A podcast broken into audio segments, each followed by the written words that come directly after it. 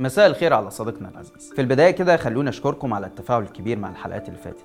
أنا فعلا مدين ليكم بكل النجاح اللي حققناه سوا. وأنتم الدافع الأول لاستمرار قبل ما أبدأ خلونا أفكركم بمتابعة حسابات شباك الجديده على الإنستجرام والتيك توك وكمان حساباتي الشخصية واللي هتلاقوها في وصف الحلقة. ودلوقتي يلا بينا نبدأ. أنا كنت بشتغل مع القوات المسلحة ودي كانت أهم جهة سيادية موجودة في مصر وبالفعل هي اللي بتحكم مصر وبتدير مصر أكتر من 16 سنة. يعني بشتغل معاهم تقريبا تقريبا من حوالي 2001 أو 2002 لحد بداية 2019 نهاية شغلي معاهم. أنا بالفعل كنت بشتغل معاهم وما انكرش إن أنا كنت فاسد وما انكرش أنا كنت مع النظام لأن خلاص دي آخر جهة أنا بشتغل معاها في الدولة اشتغل فيه لما جيت أشتغل مع الجيش لقيت إن الجيش هو هو زي المؤسسات اللي بره خارج الدولة اللي هي سوري المؤسسات اللي جوه الدولة.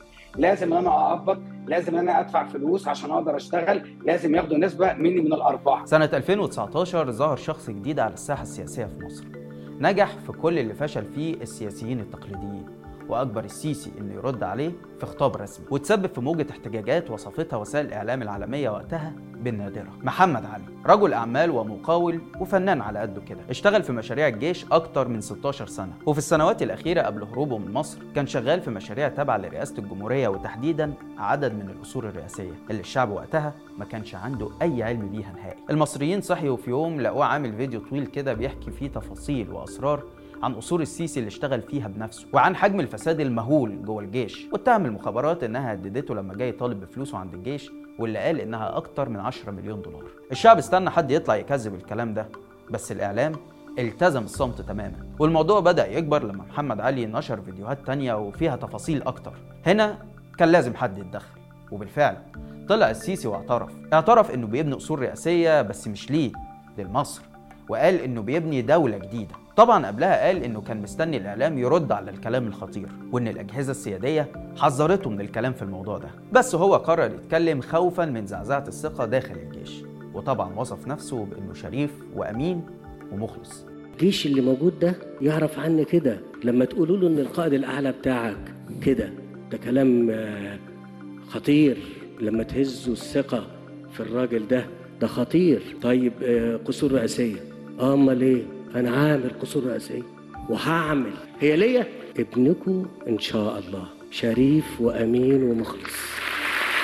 الغريب إن كلام السيسي جاب نتيجة عكسية تماما. وناس كتير شافت إن اعترافه ده بجاحة أو لا مبالاة. وده طرح سؤال مهم. يا ترى مخبي إيه تاني عننا؟ محمد علي استغل رد السيسي ودعا الناس إنها تنزل مظاهرات تطالب برحيله مع الإيحاء كده إنه مسنود وإن الناس لو نزلت الجيش هيقف معاهم. وده العامل اللي شجع ناس كتير إنها تشارك في احتجاجات سبتمبر 2019 اللي الأمن قمعها بشدة واعتقل أكتر من 3000 مواطن بسببها. هنا انتهت مغامرة محمد علي. اللي اتعرض بعد كده لحملة إعلامية وقضائية. مثلا أحمد موسى جاب أبوه خلاه يتبرى منه. محامي تاني رفع عليه شوية قضايا خد فيها أحكام بالسجن المؤبد. عشان يكمل من منفاه الاختياري في أسبانيا معارضته للسيسي مع اعترافه بأنه كان متورط في الفساد لما كان شغال مع الجيش. قصة محمد علي وقصص تانية كتير بتطرح لنا أسئلة عن اقتصاد الجيش اللي بيواجه النهارده تحدي صعب جدا. بيتمثل في إصرار صندوق النقد على تحجيمه واخضاعه للمراقبة المدنية. في وقت السيسي بيعتبر الجيش هو ظهره اللي مسنود عليه واللي من غيره سهل جدا يتم الاطاحه بيه. يا ترى هينجح صندوق النقد في تقليص اقتصاد الجيش؟ وإيه اللي السيسي ممكن يعمله عشان يخرج من المأزق ده؟ ده اللي هنحاول نعرفه معاكم في حلقة النهارده. أنا عبد الرحمن عمر وده برنامج الحكاية.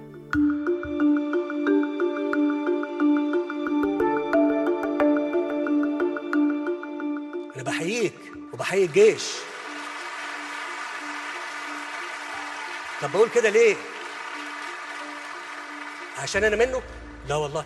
أهلا بيكم. لا مفر من القضاء على الأقلية العسكرية الفاسدة من أجل إصلاح مصر. ده كلام صحيفة زي اندبندنت البريطانية اللي قالت إن حالة الانهيار التي تسير إليها مصر سببها الفساد المستشري وسوء إدارة السيسي وإن مصر مفيش قدامها غير الالتزام بوعودها مع صندوق النقد فيما يخص تخفيف قبضة الجيش الخانقة على الاقتصاد رغم اعتراف الصحيفة أن باقي شروط الصندوق بتكبد المصريين المزيد من المعاناة والكلام هنا على رفع الدعم وتعويم الجنيه اللي وصل سعر صرفه النهارده لحوالي 30 جنيه مقابل الدولار. الصحيفة كمان بتقول إن مصالح الجيش التجارية هي بمثابة صندوق أسود في إشارة لغياب كل أشكال الرقابة والمحاسبة، خاصة مع توسع مشاريعه بشكل ضخم جدا من وقت وصول السيسي للسلطة.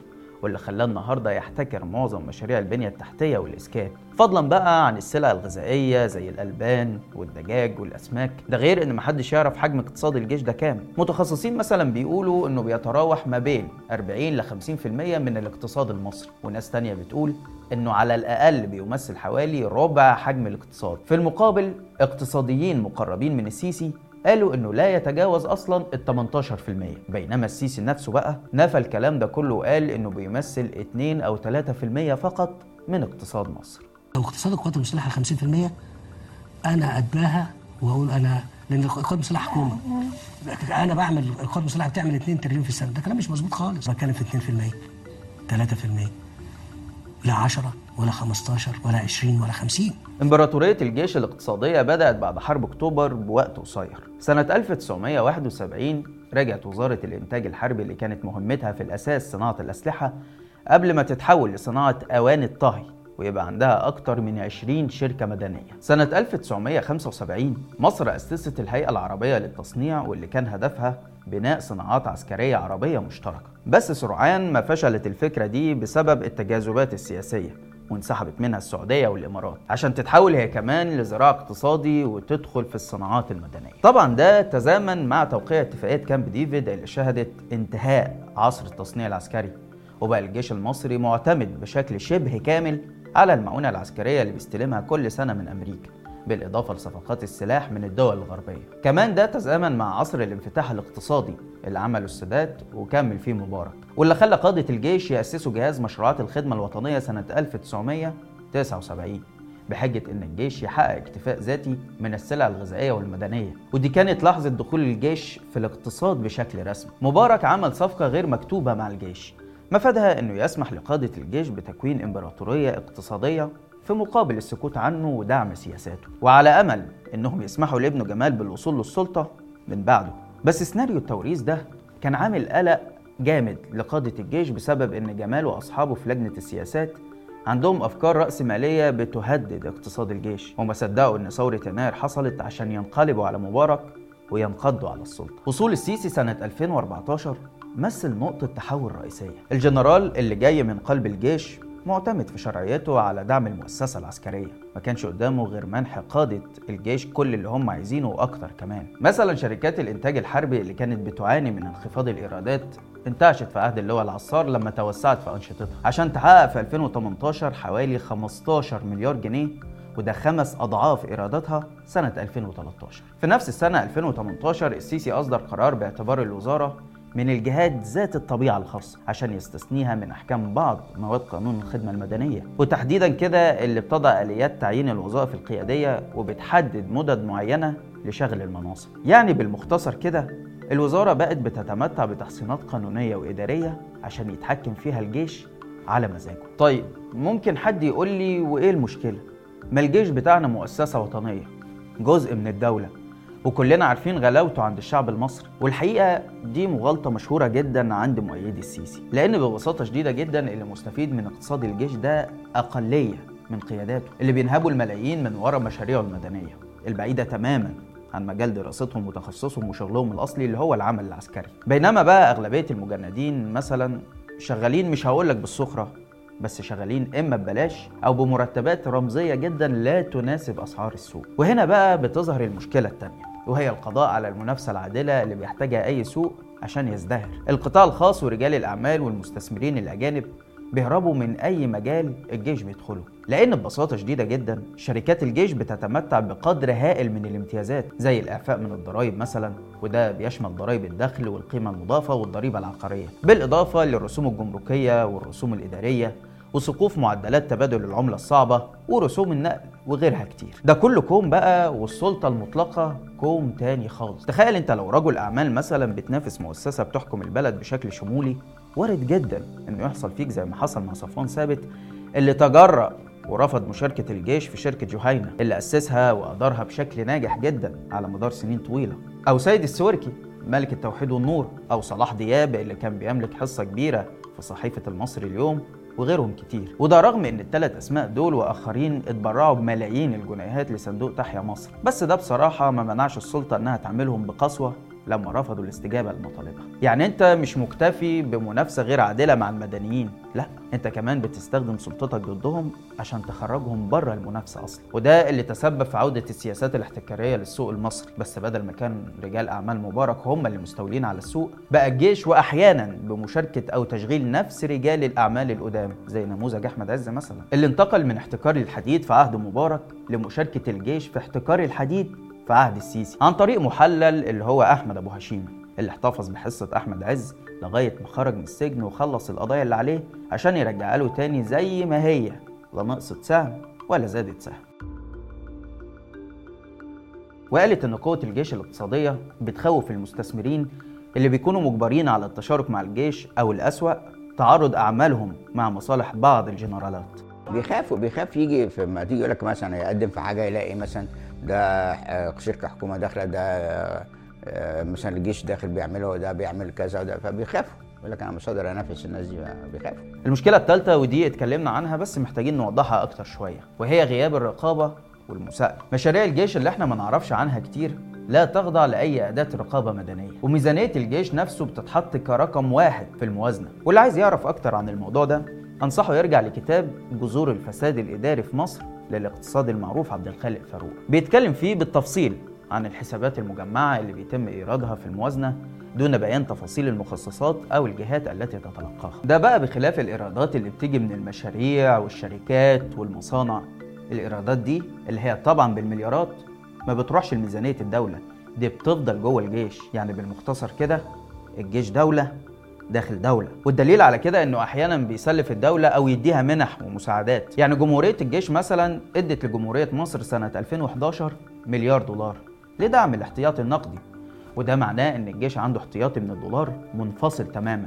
لا يخضع لرقابة البنك المركزي ولا الجهاز المركزي للمحاسبات ولا وزارة المالية. كمان بخلاف الإيرادات اللي بتطلع من المشاريع عندنا الأصول ودي أكبر وأكتر من أن تحصى حتى. عندك مثلا المساحات الشاسعة من الأراضي اللي بيستخدمها الجيش في أغراض مدنية وفي فرق مهم عند رجال الاقتصاد بين الدخل والثروة. يعني الإيرادات السنوية مثلا هي الدخل بتاع الجيش بينما لما تيجي تحسب ثروة الجيش هتضيف لها الأصول اللي كمان بتؤثر على المنافسة مع القطاع الخاص اللي أكيد لا يمتلك كل الأصول دي. وطبعا هنا لازم نشير لاقتصاد الأجهزة السيادية اللي مرتبطة بالجيش زي المخابرات العامة اللي بتلعب دور اقتصادي واسع هي كمان. وعندها ممارسات احتكارية في مجالات زي الإعلام والاتصالات والغاز الطبيعي والبترول. وبتستخدم في ده شركات بواجهة مدنية زي مثلا شركة المتحدة اللي بتسيطر على كل وسائل الإعلام فضلا عن الإنتاج السينمائي. وبتصرف كمان من فلوس البلد مليارات الجنيهات على مسلسلات هدفها تمجيد السلطة.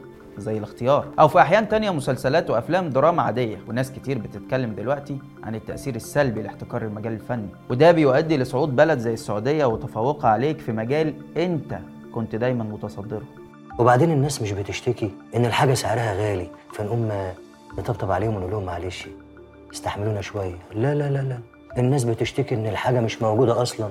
اقتصاد الجيش واحد من أبرز أسباب انهيار الاقتصاد المصري. لأنه بخلاف الأسباب اللي قلناها واللي بتتلخص تاني في المنافسة غير العادلة وغياب الرقابة وتطفيش المستثمرين فهو كمان ساهم في الاهتمام بالمشاريع الضخمة زي العاصمة الجديدة والكباري والطرق. وده لأن ربحها بالنسبة ليهم أكبر وأسرع من أي مشروع تاني. فضلا عن إن الموضوع مش مكلف خالص برضه طول ما هو بيجيب شركات مقاولات تشتغل من الباطن وينصص الأرباح معاها. وكلنا شفنا السيسي وهو بيفاصل مع الحاج سعيد اللي كان عايز يعمل له ثلاث كباري ب 9 مليار جنيه والسيسي بكلمة واحدة خلاهم 7.5 مليار جنيه في مشهد عبثي تماما. السبوبة دي بقى شجعت السيسي إنه يعتمد على القروض والأموال الساخنة ويهمل في المقابل المشاريع المنتجة اللي بطبيعتها محتاجة مناخ استثماري عادل ومنصف وواضح. طيب ده يوصلنا في الآخر لمحاولة الإجابة على السؤال الصعب وهو هل ينجح صندوق النقد في تقليص اقتصاد الجيش؟ هنا مهم قوي بقى نشوف رأي يزيد صايغ كبير الباحثين في معهد كارنيجي واللي ليه أوراق في غاية التفصيل والأهمية عن اقتصاد الجيش؟ وافتكر إننا ممكن نكون أشرنا ليه قبل كده.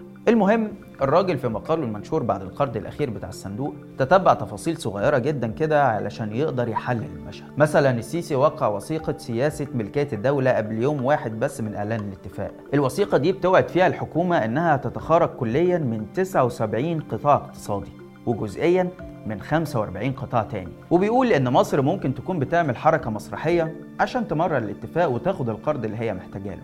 بس برضه بيقول إن في صعوبة في الإفلات من الوعود لأنها المرة دي مكتوبة ومنصوص عليها بوضوح شديد. مثلا مذكرة السياسات الاقتصادية والمالية اللي سلمتها الحكومة لصندوق النقد. بتوضح تعريف الشركات المملوكة للدولة وبتقول إنه يشمل جميع الشركات المملوكة كليا أو جزئيا من قبل هيئة متصلة بالدولة. وبتذكر صراحة الشركات العسكرية ضمن شركات القطاع العام وقطاع الأعمال العام والهيئات الاقتصادية المشمولة في هذا التعريف. المذكرة كمان بتوعد بتقليص الإعفاءات الكتيرة اللي تضفي الأفضلية على الشركات المملوكة للدولة في منافستها القطاع الخاص. ده غير أنها بتفرض على الشركات الحكومية إصدار تقرير سنوي شامل للنفقات الضريبية بما في ذلك تفاصيل الإعفاءات والمنح اللي حصلت عليها. في تفاصيل كتيرة في الجزء ده بس ملخص الموضوع هو أن الحكومة المصرية وعدت الصندوق إنها تخضع اقتصاد الجيش للمراقبة والمحاسبة. بس بيرجع الكاتب ويقول إن ده يبدو وكأنه ضربا من الخيال وإنه هدف بعيد المنال بسبب المقاومة العسكرية اللي لغاية دلوقتي ناجحة إنها تعطل طرح شركات الجيش في البورصة رغم تصريحات السيسي المتكررة عن طرح عشر شركات أبرزهم وطنية وصافي. ورغم اهتمام صناديق خليجية بالاستحواذ على شركة وطنية إلا إن الجيش بيلجأ لبيع أصولها تدريجيا لصالح شركة تانية اسمها Chill Out. في محاولة منه لتخفيض جاذبية وطنية قدام المستثمرين الخليجيين. في النهاية بيتوقع يزيد صايغ إن حكومة السيسي هتحاول تستغل كل الثغرات الممكنة عشان تهرب من تنفيذ وعودها للصندوق. بعد ما تكون هبرت الفلوس ويمكن صرفتها كمان. وده نفس التحليل اللي وصلت له The Independent وزودت عليه كمان إن السيسي بيحاول خداع القوى الإقليمية والعالمية معتمدا على خوفهم من سيناريو انهيار مصر لأن ده هتكون تبعاته سيئة على الجميع. والاثنين نصحوا الدول الكبرى وصندوق النقد إنهم يضعوا أطر قانونية يلزموا السيسي من خلالها بالإيفاء بوعوده والتزاماته معاهم بس كده. لحد هنا وحلقتنا خلصت. لو الحلقة عجبتك اعمل like و share واشترك في القناة على اليوتيوب عشان يوصلك كل جديد. وما تنساش انك تقدر تسمع البرنامج بتاعنا بودكاست من الروابط اللي هتلاقيها في التعليقات. وتابعنا على حساباتنا الجديدة في انستجرام وتيك توك واستنانا كل يوم جمعة الساعة 8 بالليل بتوقيت القاهرة في حلقة جديدة من برنامج إيه الحكاية. سلام.